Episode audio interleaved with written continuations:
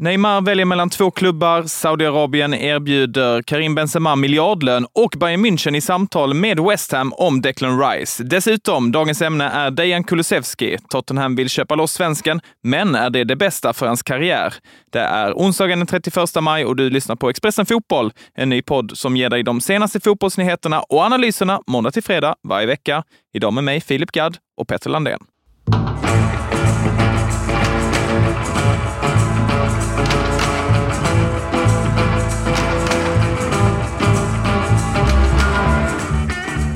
Två klubbar är kvar i kampen om Neymar till nästa säsong. Antingen kommer brasilianaren att stanna kvar i PSG eller gå till Manchester United. Detta skriver Foot Mercato. Tydligen så skulle Neymar bli extra sugen på United, Petter, om de får en qatarisk ägare.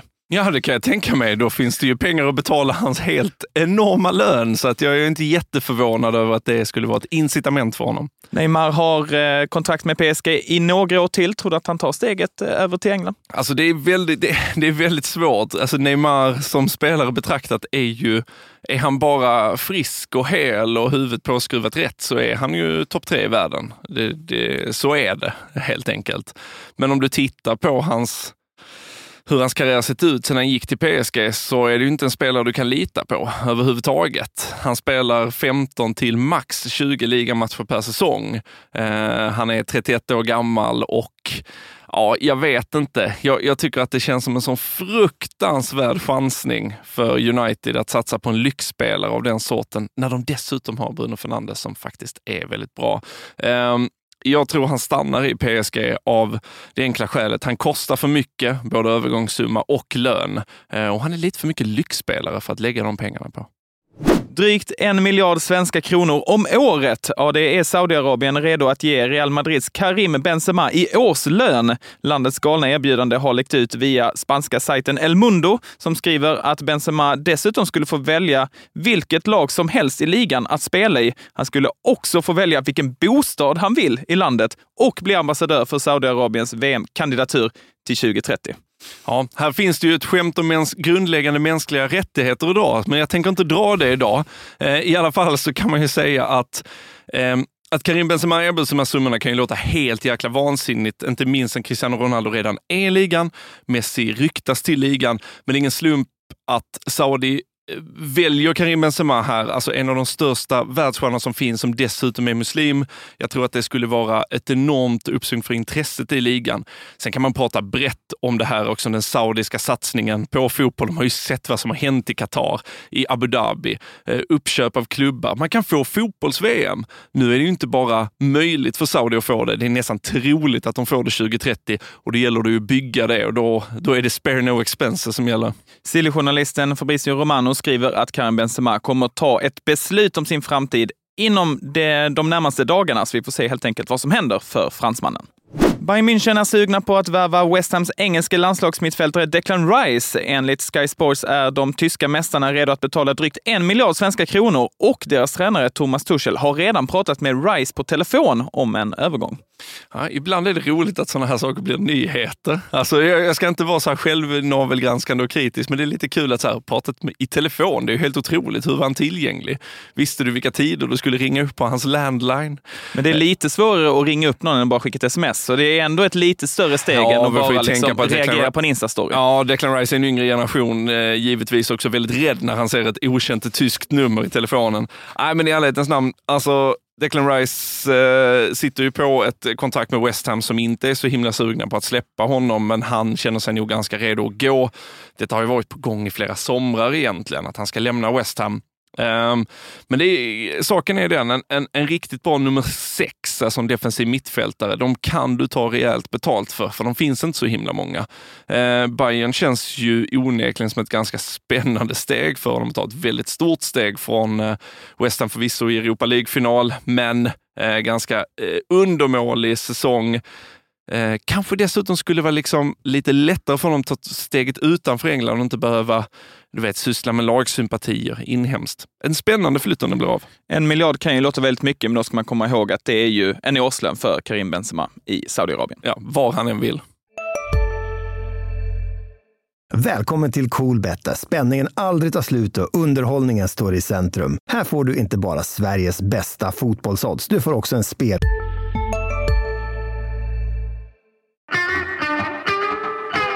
Om exakt en månad går Dejan Kulusevskis lån till Tottenham ut, men svensken ser inte ut att återvända till Italien och Juventus, utan istället stanna i England. Evening Standard skriver att Tottenham är redo att betala utköpsklausulen på runt 350 miljoner svenska kronor för Kulusevski, en summa som sänktes lite eftersom Spurs missade Europaspel. Petter, hur reagerar du på detta? Eh, jag reagerar på att jag tycker att jag tycker lite synd om det Kulusevski just Varför nu. då? Han är, på engelska så finns ett uttryck att man är caught between a rock and a hard place och det är lite det jag känner. Eh, å ena sidan Tottenham, eh, där han spenderat den senaste säsongen, senaste en och en halv kanske till och med, eh, Mm. och liksom lärt känna allting som finns att lära känna i England, kommit in i Premier League-spel och så vidare. Men det är också en klubb som ingen vet var de egentligen står. Eh, bytte tränare en bazillion times förra säsongen. Eh, en sportchef som hamnar i finkan. Eh, vi vet inte vem som leder dem framåt. De har fått många nej på de eh, tränarframstötar de gjort. Och det är, riktningen för Tottenham framåt är väldigt, väldigt, väldigt oklar. Och det, det finns ju ett genomgående skämt i England såklart att man är, man är spursy, att man fuckar upp saker.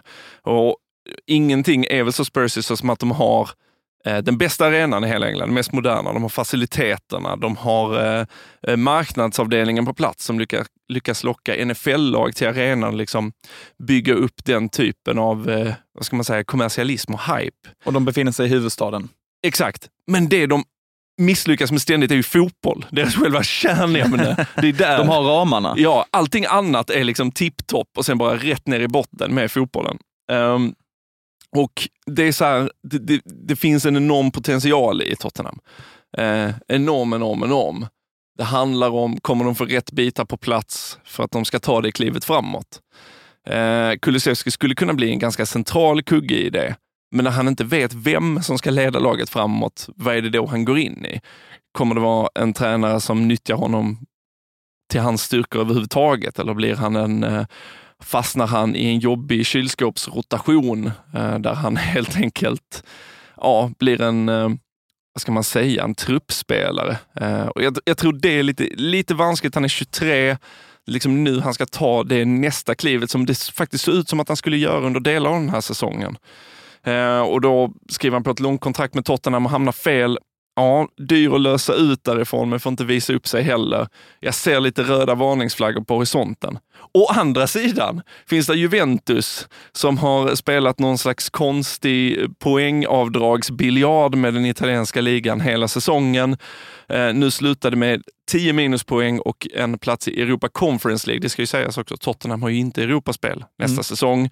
Men ett Juventus som inte mår särskilt bra. En tränare i Allegri som får han inte sparken så har jag slutat förstå den moderna toppfotbollen helt och hållet. Eh, och då är frågan, vad, om han inte tar Tottenham, vad är det för Juventus han återvänder till? Finns det Eh. tredje alternativ då? Det finns det ju givetvis. Alltså det Kulusevski har visat upp i Tottenham tycker jag eh, borde locka andra klubbar eh, att, eh, att gå och rycka i honom. Det är klart, då kan ju prislappen öka i och med att de, de hade ett avtal, Tottenham och Juventus i det här lånet. Och han har ett år kvar på kontraktet med Juventus, eh, så att det borde inte vara allt för dyrt att lösa. Eh, däremot har jag inte hört någonting om det. Alltså jag, när han var som allra bäst eh, i Premier League den gångna säsongen, eh, när han egentligen var nyckeln som band ihop eh, Antonio Contes Tottenhams ganska lågt sittande defensiv uppställning med Harry Kane och Hong Min Son längst fram. Då tyckte jag att han var helt briljant under stunder och då sa jag så här, jag kan se honom spela 20 matcher från start i ligan i Manchester City till exempel. Ehm, jag ser honom funka i ett Newcastle framåt. Alltså Champions League-klubb, definitivt. Ehm, tyvärr så blev hans poängproduktion lite lidande mot andra halvan av säsongen när Tottenham i mångt och mycket föll ihop fullständigt. Eh, kanske därav att man inte har hört så mycket rykten kring andra lag om honom egentligen. Eh, hade jag varit Kulusevski i det här läget så hade jag nog, i den mån det är möjligt, försökt sitta lite, lite lugnt i båten. I och med att han har Europaspel med Juventus nästa säsong. Han har ett kontrakt som går ut. En bra säsong där och han kan välja att vraka på ett helt, helt annat sätt. Men visst, kommer det in en jättespännande tränare i Tottenham, känner de att de får en riktning framåt, ja, då är potentialen där skyhög. Ja, det måste ju vara svårt för Kulusevski också eftersom att, eh, som du är inne på Petter, han vet ju inte vad som väntar i Tottenham och vem som ska leda det här laget och framförallt stannar Harry Kane till exempel. Till exempel. Det vet vi inte heller. Nej. Hur ser lagbygget ut inför eh, hösten? Eh, samtidigt så går ju hans lån ut om en månad. Jag ska han sitta liksom och vänta in en ny tränare för Tottenham och veta lite vad som händer där? Eller ska han liksom, ja, på ett sätt kanske chansa lite då Ja. och, och Ja, det, eh, det, är stanna det, kvar? men- det är det jag menar. Det är väldigt tufft och, och, och saken är, det är Juventus han återvänder till.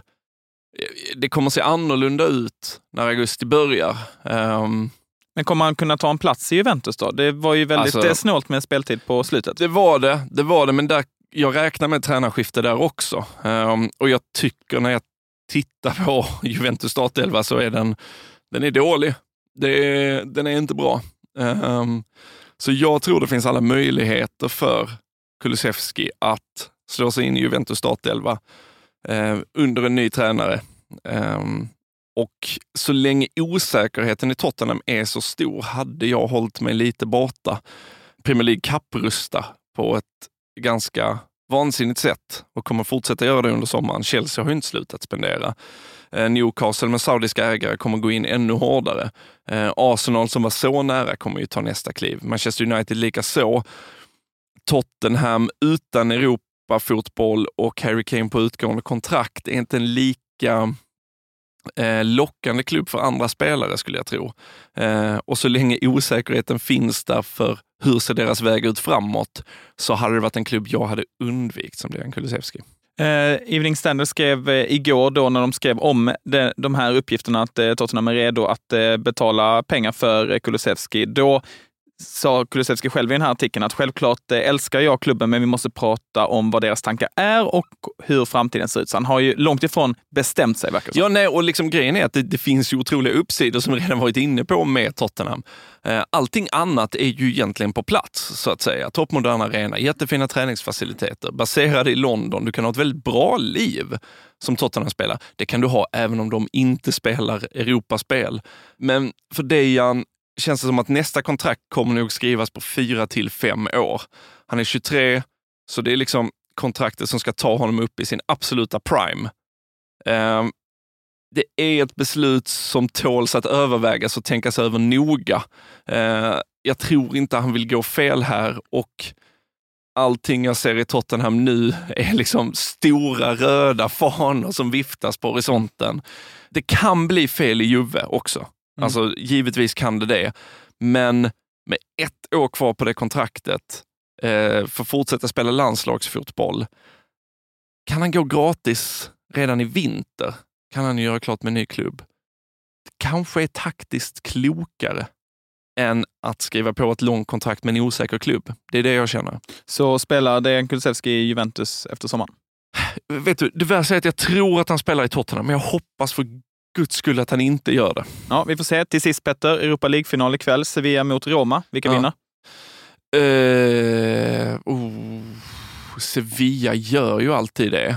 Eh, Ja. Samtidigt så är det ju en ostoppbar kraft i José Mourinho på andra sidan. Jag säger Sevilla och så vill jag bara rätta för att jag sa innan att West Ham spelar eh, Europa League-final, spelar Conference League-final. Så är det. Jag rättar mig själv där. Bra. Stryk ett streck över allt jag sagt och Ja. rätta till det. ja, vi stryker streck över hela avsnittet. Nej, det gör vi inte. Vi eh, tackar för idag och så eh, ser vi fram emot att eh, snacka mer redan imorgon, för då är ett nytt avsnitt tillbaka. Glöm inte att prenumerera på Expressen Fotboll så ni inte missar några av våra avsnitt. Hej!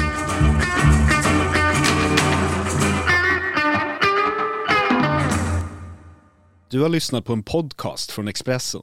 Ansvarig utgivare Klas Granström